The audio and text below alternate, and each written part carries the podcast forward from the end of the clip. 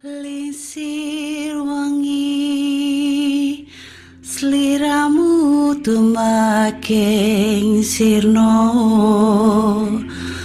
Ojo tangi kan muguling Awas jok ngetoro.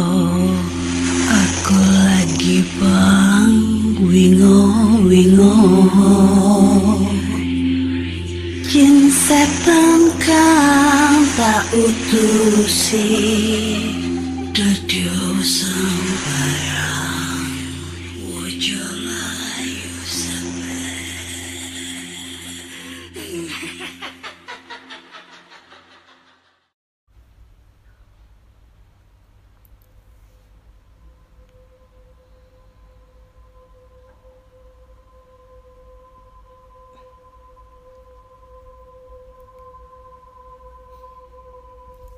Assalamualaikum warahmatullahi wabarakatuh. Selamat datang di podcast kisah horor.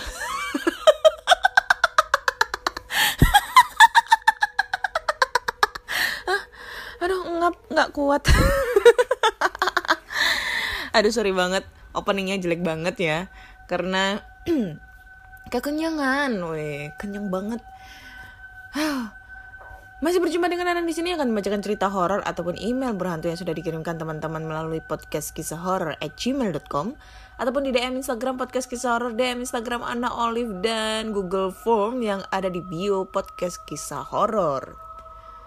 Hari ini, hari Kamis Kliwon, malam Jumat lagi. Uh, hari yang bagus banget buat cerita horor ini sebenarnya ya.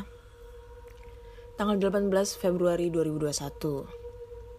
Ya, kalau orang Jawa itu ya, kalau kalian tahu, malam kam eh malam bukan malam Kamis ya, Kamis Kliwon, malam Jumat Legi. Itu adalah hari di mana kalau yang orang Jawa dipercaya bahwa banyak banget orang-orang yang mempunyai uh, kelebihan ilmu ilmu ya maksud dalam arti ilmu itu seperti ilmu hitam atau perdukunan atau persantetannya itu uh, melakukan ritual kayak gitu ya melakukan ritual. Dan ini adalah malam yang tepat gitu loh untuk mencapai kesasa uh, kesasarannya kayak gitu. Ibaratnya mencapai suatu uh, keinginan keinginannya supaya terwujud. Entah itu uh, ngepet entah itu banyak ya banyak makhluk-makhluk halus yang keluar di uh, pada sarangnya.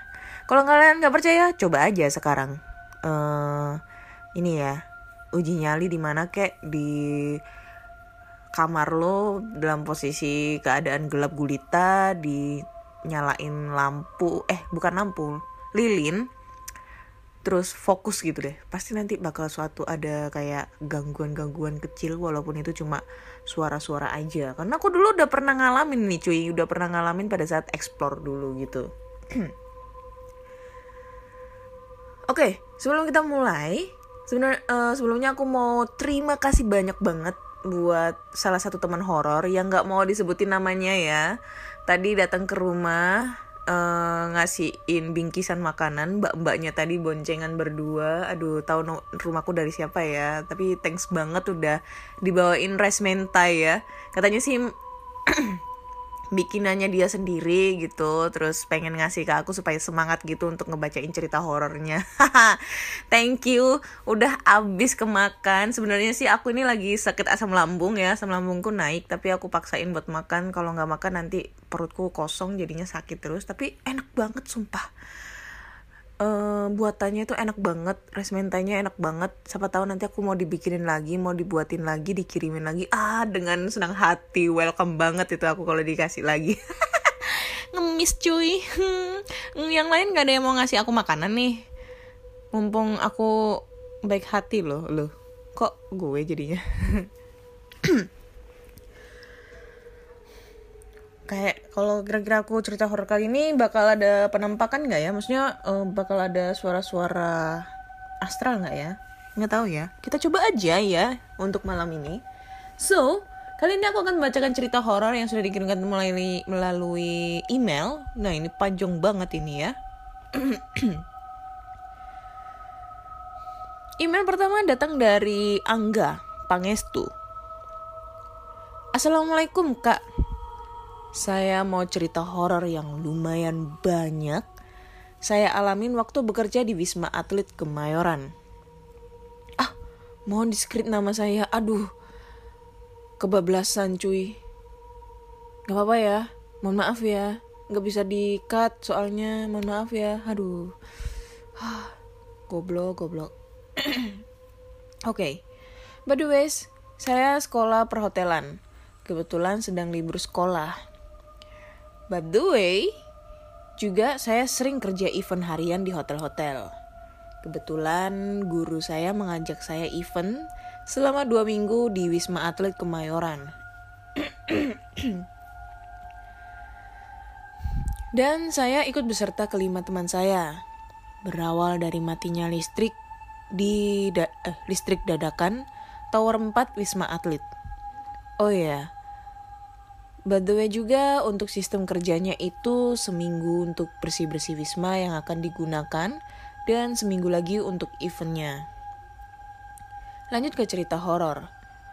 Pada saat hari ketujuh dan event besok pagi berjalan, tiba-tiba tower 4 seketika listriknya padam. Beberapa engineering nyoba memperbaiki, tapi tidak bisa. Dan salah satu supervisor saya, kebetulan saya dengar pembicaraan ini, supervisor saya berkata, ini kita belum izin sama yang di seberang. Jadi mereka marah. Seberangnya itu Danau, Danau Sunter. Dan akibat eh dan kemudian akibat listrik mati otomatis gak bisa digunain dong. Terpaksa harus pindah tower dadakan. Dan saya beserta kelima teman saya disuruh memindahkan spray dan selimut yang sudah dipasang. Ketiga teman saya bertugas mengantarkan spray dan selimut ke tower yang digunakan.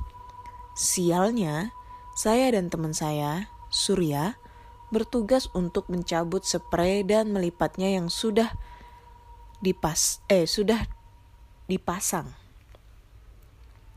Semua awalnya berjalan aman-aman saja, sampai ketika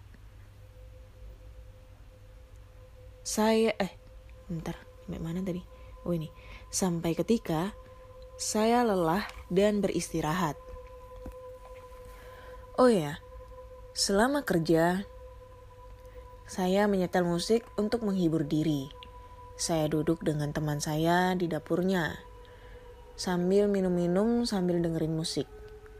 Lalu seketika kita berdua mendengar seperti ada yang mengikuti lirik lagu. Saya mencoba memperkecil lagu saya, tapi tidak ada suara. Saya besarkan lagi volumenya lagi dan ada yang mengikuti lirik lagu lagi. Dan akhirnya kita memutuskan untuk bekerja lagi supaya cepat selesai. Seketika saya dan teman saya hening, tidak ada ngobrol saat bekerja seperti awal-awal. Sampai saat Pas saya dan teman saya sampai ke kamar selanjutnya, tiba-tiba keran air pun menyala sendiri. By the way, teman saya ini indigo. Dia pernah kesurupan di Bali gara-gara beradu ilmu gitu, kata Aji Balinya. Oke, mungkin belum cukup seram, tapi masih ada selanjutnya. Event pun berjalan. Ini event untuk Kapolri atau Brimob-Brimob yang dari berbagai daerah. Saya berkenalan sampai mana tadi? Oh ini. Saya berkenalan dengan salah satu anggota Brimob dari Riau. Karena untuk pekerja Wisma disediakan kamar, saya tidur di Wisma Atlet dengan kelima teman saya. Kemudian Bang Adi sering main ke kamar kami untuk ngobrol-ngobrol. Sampai ketika, oh iya, di malam sebelumnya, saya dan kelima teman saya iseng untuk mematikan lampu dan menyetel lagu Le Lengsir Wengi. Lanjut ke cerita. Bang Adi dan kelima teman saya mendengar suara ular. Saya kaget dong, dan teman-teman saya juga. Bang Adi berkata, kalian denger nggak? Saya bilang, iya denger. Kemudian Bang Adi menanyakan kepada saya dan teman-teman saya. Kalian kemarin ngapain? Mau tidak mau akhirnya kita jujur dan Bang Adi berkata, itu dia datang cewek cantik tapi badannya ular. Dia nanya, kamu mau apa? Anjir. Dan Surya menjawab, kalian mau apa? Manggil-manggil saya dan teman-teman saya sambil ketawa lepas. Kemudian Bang Adi ngomong ke Surya, oh ini si Surya kesurupan nih kayaknya ya.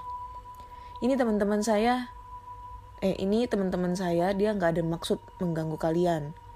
Dan kemudian terdengar suara kakek-kakek batuk. Padahal posisi kamar saya depan kanan kiri itu kosong. Baru ada orang lengkap apa ini? Baru ada orang lengkap tiga ke kanan dan tiba-tiba Surya pun tersadar dan dia ngomong itu kok kakek gua ke sini. Kita semua kaget dong. Kakek lu lagi juga? Nggak sembarang orang. Eh apa sih ini? Kakek kakek lu lagi juga. Gak sembarang orang boleh masuk ke Wisma. Dan Bang Adi tiba-tiba seperti merem-merem dan komat kamit. Tiba-tiba dia ngomong. Ini mah kalian parah Abang baru nyadar dari tadi kanan kiri kamar kita udah penuh sama pengikut perempuan yang tadi. Akhirnya Bang Andi membaca sesuatu dan keluar kamar dan membawa teman polisinya juga dan keliling kamar dan memasukinya satu persatu. Belum sampai di situ di situ aja. Ini bagian paling mengerikan. Di hari berikutnya, di hari terakhir event, kebetulan rombongan Bang Adi ini check out lebih awal, sekitar jam 6 malam, dan bertemu dengan saya dan teman saya Surya. Kebetulan saya malamnya ada acara, jadi saya dan teman saya, teman saya Surya tidak nginep di Wisma malam itu. Kebetulan rumah saya dan Surya untuk ke Wisma sangat dekat. Dan untuk ketiga teman saya dia tinggal di Priok yang otomatis sangat jauh. Lanjut ke cerita.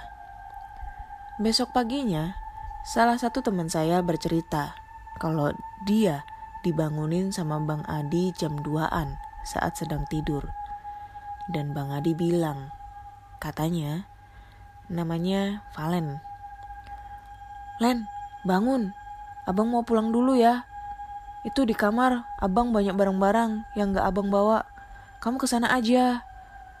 Teman saya masih keadaan ngantuk atau gimana, dia langsung jalan ke kamarnya Bang Adi. Benar memang, masih ada jam, kacamata, sepatu yang sengaja ditinggal oleh Bang Adi dan teman sekamarnya. Kemudian saya bilang ke teman saya, Len, lu ngigo kali. Orang Bang Adi udah pulang dari sore, asu. Eh. ketemu ketemu sama eh ketemu sama gua sama Surya. Valen pun masih kekeh kalau dia itu dibangunin Bang Adi tengah malam. Akhirnya untuk mencari tahu siapa yang benar siap saya eh akhirnya untuk mencari tahu siapa yang benar saya menghubungi Bang Adi. Saya nanya, Bang, kemarin abang check out sore kan? Bang Adi bilang, iya enggak, eh iya, enggak, oh iya, oh iya enggak, anjir lah, enggak kirain, iya enggak, oh iya enggak, itu barang-barang di kamar abang sengaja abang tinggal buat kalian. Sontak Valen pun heran. Terus yang bangunin gue siapa anjir? Malam-malam di, di satu sisi eh. Aduh nggak ada titik komanya anjir Terus yang bangunin gue siapa anjir? Malam-malam di satu sisi eh dia pun sadar di malam itu dia tidur bertiga dengan teman saya. Dan saat waktu dibangunin Bang Adi, dia di kamar yang single, di mana dia tidak tidur dengan teman-teman saya. Sekian cerita saya, memang jujur saya nggak ngeliat sesuatu. Tapi cerita saya ini real, saya nggak bohong, sumpah. Eh, jangan main sumpah lu. Ini kejadian yang saya alami sendiri. Terima kasih, assalamualaikum. Waalaikumsalam warahmatullahi wabarakatuh. Ini mungkin kejadiannya sebelum eh, COVID ya, karena yang aku tahu sih eh, gedung Wisma Atlet kan dipakai untuk ini ya eh, rumah sakit COVID gitu, rumah sakit darurat. Jadi ya kalau aku tebak sih ini sebelum COVID. Terus agak bingung juga untuk endingnya itu ya. Aku agak bingung karena pertama juga tanda Entar dulu ya, sorry. Tanda bacanya itu nggak sesuai dengan eh, ini ya penulisan kalimatnya, jadi agak belibet bacanya. Dan yang kedua itu apa ya? Setahuku tuh lagu Lengsir Wengi itu yang seperti di opening opening podcast aku itu tuh bukan lagu pemanggil setan tapi lagu Kidung Jawa gitu loh. Sebenarnya lagu Kidung Jawa dari Sunan Kalijaga yang artinya apa ya? Coba ya kita cek ya di Google nih ya. Karena aku tuh ilmunya juga cetek ini cuy. Bukan pemanggil setan tapi emang kebanyakan sih eh dipakai kayak lebih apa ya ke doktrin seperti seperti lagu pemanggil kuntilanak gitu loh bentar ya arti dari nih Lagu asli Lingser Wengi diciptakan Sunan Kalijaga, jauh dari kesan horor atau mistis. Lagu ini awalnya berfungsi sebagai media dakwah Sunan Kalijaga. Lagu ini biasa disandungkan setelah melakukan sholat malam yang isinya menyiratkan doa kepada Tuhan. Nah, ini sebenarnya sih lagunya itu kayak lagu yang diciptakan oleh Sunan Kalijaga itu untuk ya untuk menyalurkan dakwah gitu dalam bentuk lagu gitu ya. Tapi orang-orang itu lebih lebih bilangnya itu lagu untuk pemanggilan setan gitu loh. Atau lebih tepatnya lagu pemanggilan kuntilanak gitu. Aneh gitu kan. Padahal ini uh, lingser wengi biasanya di disenandungkan itu setelah sholat malam atau sholat tahajud gitu. Yang artinya untuk menyiratkan atau menyampaikan doa kepada Allah Subhanahu wa taala gitu loh. Men- yang tujuannya untuk perlindungan kepada Sang Pencipta dari hal-hal buruk termasuk gangguan dari makhluk gaib dan menolak bala. Kayak gitu. Jadi intinya ah apaan itu anjir? Kaget gua. Sumpah. Huh, huh, huh. aduh belum apa-apa do suara-suara ya Allah. Jadi intinya itu lagu Lingser Wengi itu bukan lagu pemanggil setan Bambang. Tapi lagu Lingser Wengi itu eh, lagu untuk eh ini. Itu tadi apa tadi? Lagu untuk penyampaian berdakwah gitu.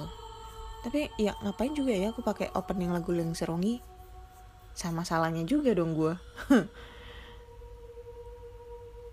ya itulah pokoknya. Aduh gue kaget sumpah tadi ada suara-suara di atas. Entah itu tikus entah itu apa tapi gak mungkin kalau tikus ya karena ini rumahku ini atasnya itu bukan bukan bukan kayak ini tapi genteng cuy. Jadi nggak mungkin kalau tikus. Beneran dah. Oh, Allah serem anjir itu kan. Gue bilang apa malam kliwon Kamis kliwon Jumat legi. Aih. Malam Jumat legi. Eh Jumat legi. Malam Jumat kliwon. Malam Kamis kliwon. Malam Kamis kliwon ini sebenarnya ya. Itu serem banget anjir sumpah.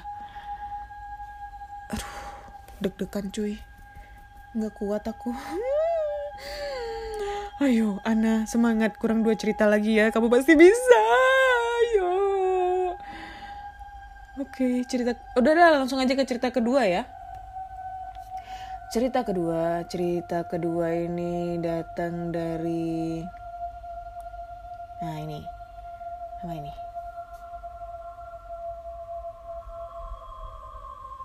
Eh ini udah belum ya?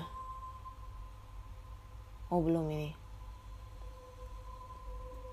Ju, ini udah ya? Oh ini udah. Oke lulu kok hilang nah cerita kedua ini datang dari ini udah ini kayaknya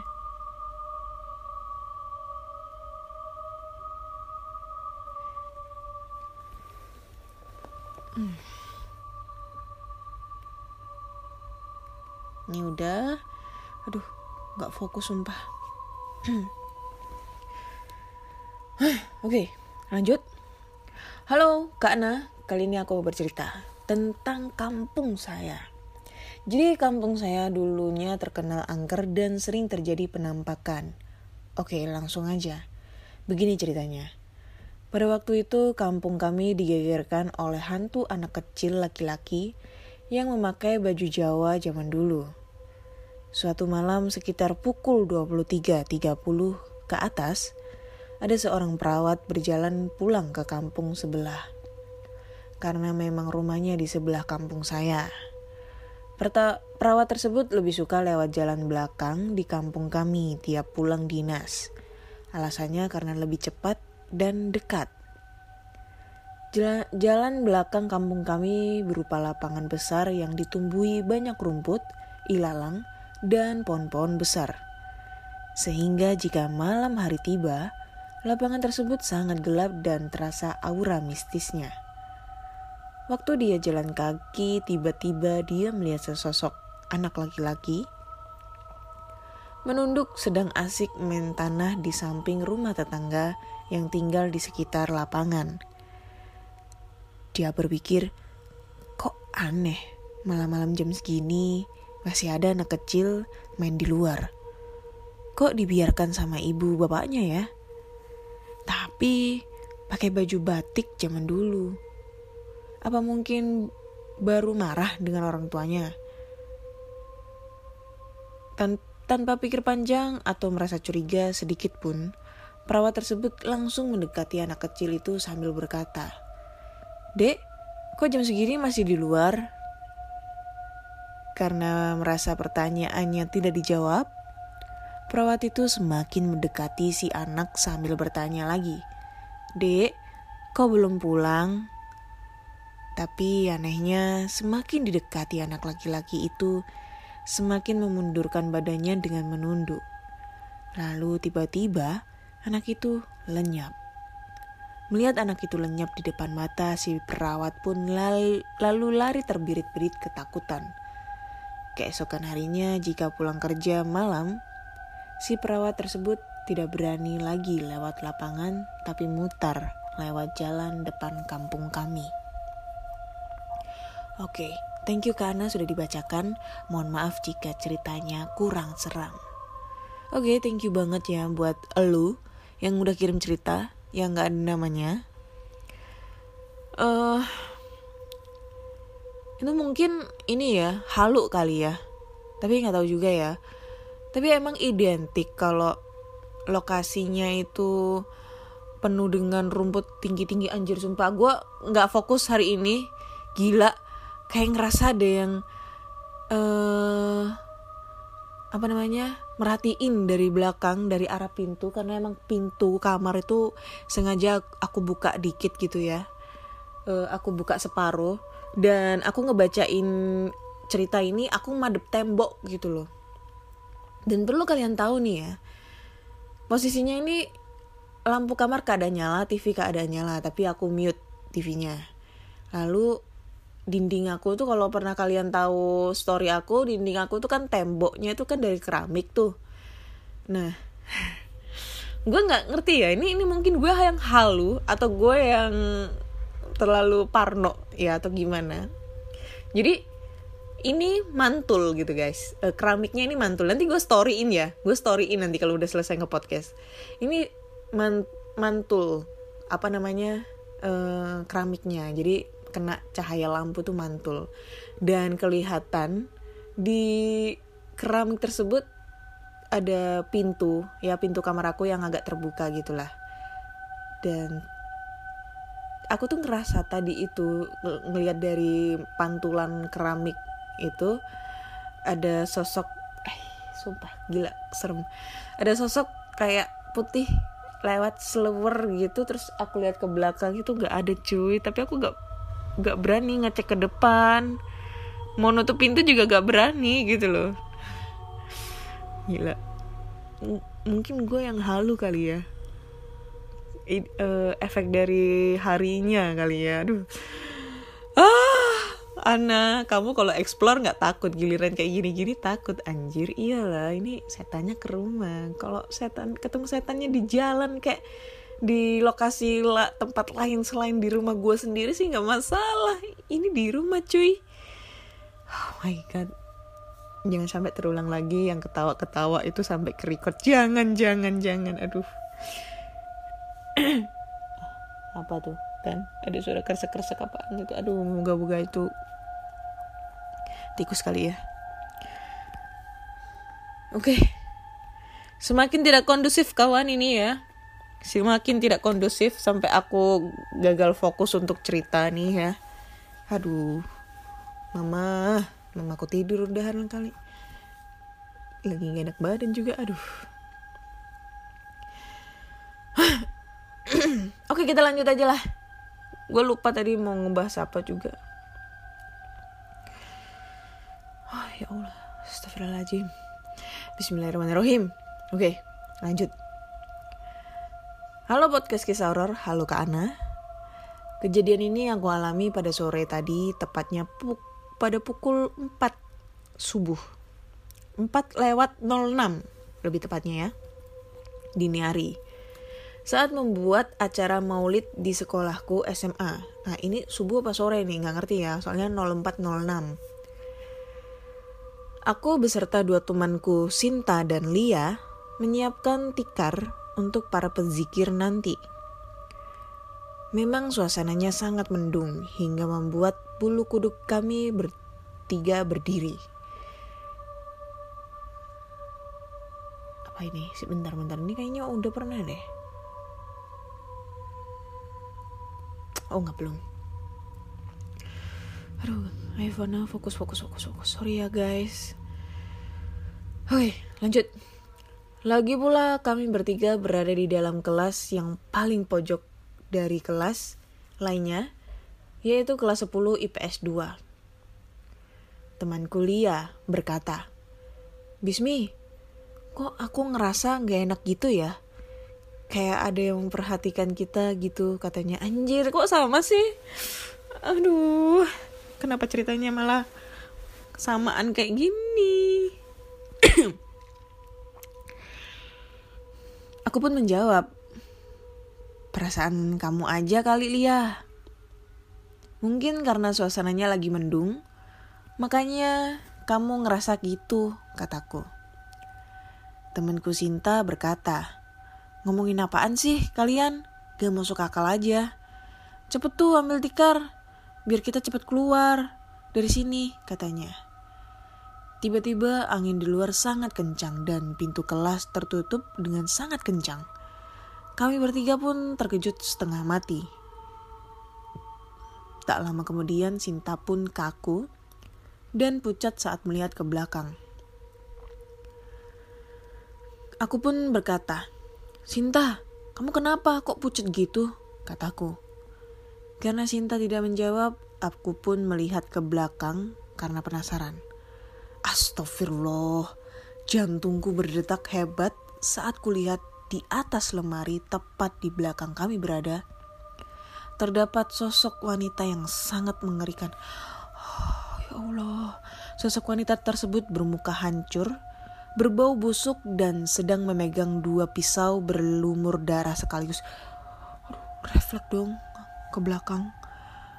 Aku, Sinta, dan Lia langsung ambil langkah seribu untuk keluar dari kelas tersebut. Sampai di panggung dengan nafas ngos-ngosan, temanku Sinta kesurupan. Cukup lama temanku Sinta sadarkan diri. Setelah selesai, semua membuat acara mau mauludnya, aku, Sinta, dan Lia pun langsung menuju ke kelas kami, yaitu kelas 10 IPS 1 yang berada di samping kelas 10 IPS 2 tersebut untuk mengambil tas. Di di perjalanan pulang kami bertiga hanya diam seribu bahasa tanpa ada sepatah kata pun yang berbicara. Ini sebenarnya sih kalau aku baca ya ceritanya emang nggak begitu serem ya maksudnya nggak begitu ser ya kurang kurang greget gitu tapi tapi ya ini ya ini karena ceritanya udah selesai. Dari isi ceritanya ini kayak perasaanku sekarang nih ya yang aku rasain gitu loh. Dari yang aku tadi cerita aku ngerasa di belakang kayak ada yang memperhatikan aku kayak ada yang ngeliatin aku dari tadi dan aku dari tadi tuh ngeliat belakang terus. Sumpah gue ngeliat ke belakang dan ngeliat dari pantulan keramik dinding aku nggak tahu kenapa ya ini parno banget gue nggak berani untuk nutup pintu dulu gitu. Sampai ini selesai. Karena nanti kalau aku nutup pintu jelek ini adegannya ya. Oh my god sumpah. Merinding. Ah ya karena ini Sumpah ini aku nggak ngebayangin kalau seandainya yang dilihat Sinta dan kawan-kawan itu adalah sosok yang mereka lihat adalah sosok wanita bermuka hancur, berbau busuk yang sedang memegang pisau berlumuran darah. Lah, gue langsung tersuges dong, tersuges. Jangan-jangan yang di belakang gue tuh kayak gitu lagi. Gila kan? Maksudnya yang tersuges itu yang dalam terngiang-ngiang itu dari alur ceritanya sama. Kalau gue kalau di ceritanya ini ngerasa kalau ada yang memperhatikan dari belakang dan yang aku rasain juga sama ada yang memperhatikan dari belakang apaan tadi anjir sumpah sumpah. Gue gak bohong gue gak bohong. Nggak tahu kerekam apa enggak di sini ya. Gue nggak tahu. Nggak bohong. Pas gue ngomong ini tadi barusan ada yang ngomong hah? Gitu.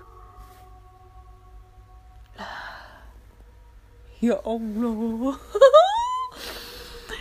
Ya ampun.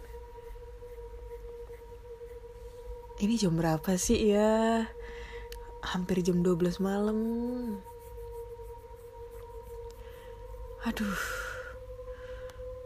Gue nggak ngerti nih ya kenapa ya gang mulai ada gangguan-gangguan lagi di rumah aku? Apa mungkin kebawa alur cerita aku nyeritain horor di malam di Kamis Kliwon ini?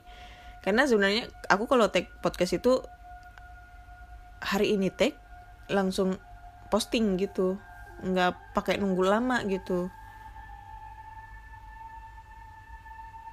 Oh tapi nggak apa-apa aman aman. Di depan ada tetanggaku yang lagi main HP aman aman aman. Soalnya kedengeran ada suara handphone. Hei, Parno anjir sumpah.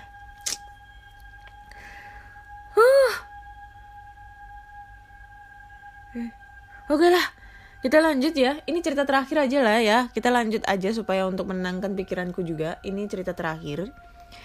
Kita tambahkan satu cerita lagi. Jadi, kita bacakan ceritanya.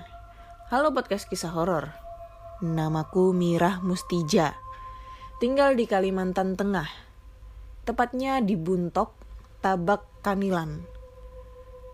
Aku sekarang masih kelas 3 SMA aku ingin berbagi pengalaman horor yang menurutku lumayan seram. Kejadiannya terjadi pada hari Kamis 28 Maret tahun lalu. Waktu itu aku dan pacarku ingin merayakan anniversary hubungan kami yang ketiga tahun lima bulan yang tertunda karena kesibukan pacarku. Dia berjanji akan menjemput, menjemputku setelah aku pulang sekolah yang waktu itu aku masih mengikuti USBNBK. Pacarku yang telah menunggu di warung dekat sekolah. Tak ingin basa-basi, kami langsung menuju ke warung tempat biasa kami makan-makan berdua. Sesampainya di warung, kami langsung memesan makanan favorit kami, yaitu mie ayam. Selesai makan, pacarku bilang, sayang, sekarang kamu mau ke mana lah? Ke mana? Mau langsung pulang atau kita jalan-jalan dulu? Jawabku. Ah, so sweet. Gue gak punya pacar anjir. Lalu aku menjawab, kita cari tempat santai aja. Yang pasti cuman kita berdua. Wow, ke mana itu ya? Lalu kami langsung tancap gas menuju hutan pembatas antara kampung Sire dan Tabak Kanilan, Garapan. Ai. Kebetulan hutan itu jalan menuju arah kampungku. Hmm, entahlah. Waktu itu masih menunjukkan jam 14.28 siang. Setelah sampai, dipastikan tak ada pengendara lain lewat kami langsung standar dua supaya kami bisa duduk dengan nyaman di atas motornya. Aduh, banyak kenapa pacaran di hutan. Oke. Ah, aduh, gak bisa kebayangin, habis ngebayangin horror sekarang ngebayangin porno, aku disuruh kayak gitu. Ya ampun. Kami mulai berbincang-bincang. Kemudian ka kami Cepika, Cepiki. Aduh, aduh, aduh Tak lupa kami berpelukan hangat. Ah, tuh ini horor apa porno sih? Tak lupa kami berpelukan hangat karena merasa bahagia atas hubungan kami yang lumayan lama ini. Di saat kami asik bercumbu, tangan menuju ke arah kami. Sangat jelas terdengar suara telapak kaki yang tanpa ragu-ragu bahkan terdengar buru-buru seperti orang yang mau menggerebek tak segannya menginjak ranting, pasir, dan rumput kering. Sontak aku dan pacarku menghentikan permainan kami dan langsung terjun dari motor dan melihat keadaan di sekeliling. Namun tak ada tanda-tanda adanya orang. Kami memeriksa sampai ke tepi jalan namun tak ada orang. Aneh, mana orangnya? Mungkin sengaja. Mungkin sengaja mengintip kita. Awas kalau ketemu, ku tonjok wajahnya. Guru gerutu pacarku sambil terus mencari. Tiba-tiba aku merasa bulu kuduku berdiri, merinding, seperti ada seseorang ketiga yang hadir. Aku merasa ada sosok yang tengah memperhatikan kami. Lalu Aku meminta pacarku agar kami pulang saja. Sayang, kita pulang aja yuk. Sepertinya memang ada orang di sini yang tengah mengintip kita. Ayo kita pulang aja, toh kita nggak macem-macem, kan cuma sekedar ciuman. Hmm, ciuman. Pintaku. Mustahil ada orang di sini sayang. Kan cuma kita berdua. Lagian kalau memang ada orang, Pasti waktu kita terjun dari motor orangnya udah kelihatan. Paling enggak kan lari ke jalan ya. Ya kita bisa lihat kan jarak kita ini sama jalan cuma berjarak 30 kaki aja sayang. Omel pacarku setengah kesal.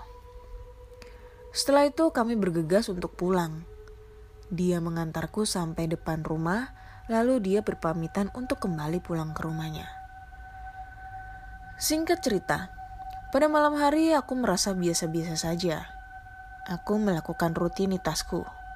Tak lupa sebelum tidur, aku meletakkan Yasin di atas kelambuku. Dan pagi esoknya, aku menerima SMS dari pacarku. Sayang, aku pengen ketemu dan ada yang pengen ku omongin, penting. Nanti ku jemput ke sekolah dan kita santai di rumah kamu. Bener aja, sekitar jam 2 siang dia menjemputku dan bergegas pulang. Eh, dia menjemputku tapi ditemani temannya yang mengendarai motor mengendarai motor. Aku menjadi heran. Tapi aku tak ingin banyak tanya dan langsung naik motor bergegas pulang. Tapi, sesampai di hutan garapan, tepatnya tempat kami mojok kemarin, sangat jelas aku melihat bulu kuduk pacarku berdiri. Sesampainya di rumah, aku mengajak mereka duduk sembari membuat minuman. Pacarku langsung membuka pembicaraan. sayang, tadi malam aku mimpi. Dan mimpiku aneh banget. Rasanya aku mau pipis, tapi tempatnya di hutan garapan itu. Tiba-tiba pas dengan mata melotot tajam, eh tiba-tiba tanpa aku sadari, di hadapanku berdiri wanita dengan berjubah putih kemerahan, berambut hitam panjang acak-acakan, wajah pucat pasi dengan mata melotot tajam. Terus dia berkata, "Jangan pernah lagi mengotori kawasanku." Sebab jika masih kalian ulangi, maka jangan salahkan aku kalau di antara kalian akan menjadi korban. Lalu wanita, lalu wanita itu mulai mendekati aku dan terus menatap tajam ke arahku. Tiba-tiba terdengar suara azan dan aku langsung terbangun dari tidurku. Dan benar saja, ternyata memang benar-benar azan subuh. Aku tak berani bangun dari tempat tidurku sampai mama datang lalu memanggilku supaya aku cepat-cepat mandi dan sarapan. Setelah mendengar cerita itu, aku jadi merinding dan kami berjanji untuk tidak memasuki kawasan itu lagi. Apalagi berbuat yang macam-macam, meski hanya sekedar lewat saja. Sekian. Thank you Kak Ana udah dibacakan ceritanya. Mohon maaf jika ceritanya ini agak sedikit porno. Oke, okay, thank you ya. Siapa namanya tadi? Anjir lah ini cerita Mbak Mirah Mustija. Mustija apa Mustika sih? Aduh, ini mah pengakuan yang sangat berat banget ya buat Mbak Mirah ya untuk kalau pernah melakukan adegan cipika-cipiki, adegan bercumbu-cumbu ria di hutan garapan, tepatnya di Kalimantan Tengah. ini bener ya tadi aku berpik udah udah udah parno banget otakku itu udah berisi setan setan setan setan setan setan lalu kedapetan ceritanya Mbak Mustika ini eh Mustija ini jadi ceritanya malah di otakku porno porno porno porno porno gitu ya. Ya malum lah gue lah gitu ya. Uh, aku nggak direken sampai pacarku ya aku nggak direken sampai pacarku ya. Sano kan aku ini ya. Jadinya ya ngomongnya ya aneh-aneh kayak gini gitu loh. Jadi harus dimaklumi ya. Aduh tapi ya kalian tuh ngapain juga gitu loh harus melakukan suatu adegan yang tidak senonoh di hutan gitu loh. Kayak kurang tempat aja loh mbak. Kan ada di hotel gitu. Aduh. Tapi ini gak baik ya jangan ditiru jangan dicontoh untuk adegan seperti ini. Karena aku nggak tahu ya ini podcast aku itu yang ngedengerin itu uh, anaknya di ada yang uh, tidak disaring ya. Maksudnya tidak disaring tidak seperti di YouTube ya. Kalau di YouTube kan ada yang tontonan wajib untuk 18 tahun ke atas dan tontonan wajib untuk 18 tahun ke bawah. Sedangkan kalau di podcast itu kan nggak bisa disaring gitu loh. So bagi kalian nih ya yang masih ngedeng yang ngedengerin podcast kisah horor entah itu masih usia 18 tahun ke bawah jangan ditiru apalagi yang masih sekolah jangan ditiru gitu. Ini nggak baik ya. Ini hal yang nggak baik selain nggak baiknya itu nanti diganggu setan nanti yang nggak baiknya juga nanti dimarahin mama sama papa ya. Jangan. Nanti juga dimarahin Allah nanti ya. Kalau sampai kebablasan gitu ya. Jangan jangan nak. Udah nak. Cukup nak. Cukup kamu itu di hutan aja. Jangan di tempat-tempat lain. Aduh. Lagian ngapain gitu. Lu lu nggak pernah tahu ya yang dulu tuh di mana ya? Ada ada cerita itu berita itu yang tentang uh, orang ya mohon maaf ya orang yang berhubungan intim di hutan lalu meninggalnya gancet cuy. Kalau lu pernah tahu gancet ya kalau mungkin kalau ada yang mungkin ada yang nggak tahu gancet ya mohon maaf ya ini ya kalau agak sedikit tidak baik omongan apa pembahasannya. Jadi kalau gancet itu uh, hubungan pas waktu kalian berhubungan intim itu nggak bisa dilepas gitu loh. Nggak bisa dilepas. Jadi meninggalnya itu pada posisinya kayak seperti orang berhubungan intim gitu. Aduh di mana ya itu dulu ya? Pokoknya di hutan deh. Itu sih kalau menurut orang-orang awam itu mikirnya itu karena dia itu melakukan sesuatu suatu uh, perbuatan itu di lokasi yang terlarang gitu loh yang mungkin penunggunya nggak terima. Seperti ceritanya Mbak Mirah Mustija. Tapi untuk sains uh, yang dari penjelasan sains itu dari mungkin dokter atau mungkin apa itu mungkin karena kaget. Akhirnya syaraf atau apa gitu aku nggak tahu ya. Pernah dijelasin gitu syarafnya atau apa. Yang sehingga membuat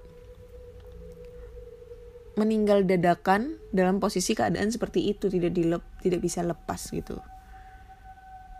Kayak gitu sih aduh. Ini mbaknya. Aduh. Ya itulah pokoknya. Jangan jangan. Malam Jumat lagi kok pas banget malam Jumat ngomongnya porno-porno tapi di satu sisi lain juga ada horornya. Aduh. Pengen jadi nikah nih pengen nikah jadinya kebalik deh. Pengen nikah jadinya tapi nggak ada yang mau diajak nikah. Ah. Oke deh kayaknya udah sekian dulu aja lah ceritanya karena udah parno banget. Aku terus terang sampai sekarang aku masih merinding banget. Nggak ngerti uh, bakal nanti ini bisa tidur apa enggak jadi buat kalian semua yang uh, punya cerita horor entah itu pengalaman diri sendiri uh, ayah ibu kakek nenek kakak adik saudara paman bibi bule paklik tetangga ataupun pacar ataupun selingkuhan atau pelakor kalian kalian bisa langsung aja kirim cerita kalian ke podcast kisah horor at gmail.com ataupun di DM Instagram podcast kisah horor dan DM Instagram Ana Olive uh, atau juga kalian kalau malas banget untuk kirim kirim cerita ke podcast eh ke email podcast kisah horor kalian bisa masuk aja ke link yang ada di bio Instagram podcast kisah ini nggak fokusnya karena apa lagi?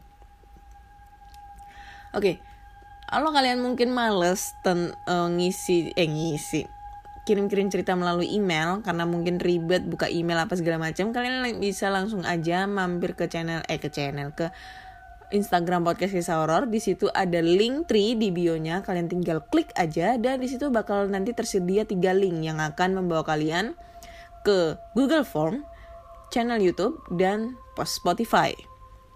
Dan jangan lupa subscribe channel podcast kisah horor karena memang sebenarnya aku belum update cerita horor terbaru ya mungkin insya Allah mulai depan bakal rajin-rajin buat uh, cerita-cerita horor ya karena aku sekarang juga agak males gitu untuk ngerikot-ngerikot dulu mungkin insya Allah bulan depan Jangan lupa subscribe, like, comment, dan share. Mungkin kalian bisa lihat video-video lama aku yang explore-explore terbengkal, tempat terbengkalai. Dan jangan lupa klik tombol follow di Spotify agar kalian selalu update cerita-cerita horor terbaru. Terima kasih buat semuanya yang udah mendengarkan podcast kisah horor episode 79. Nantikan episode berikutnya di episode 80 di malam mendatang. Thank you guys.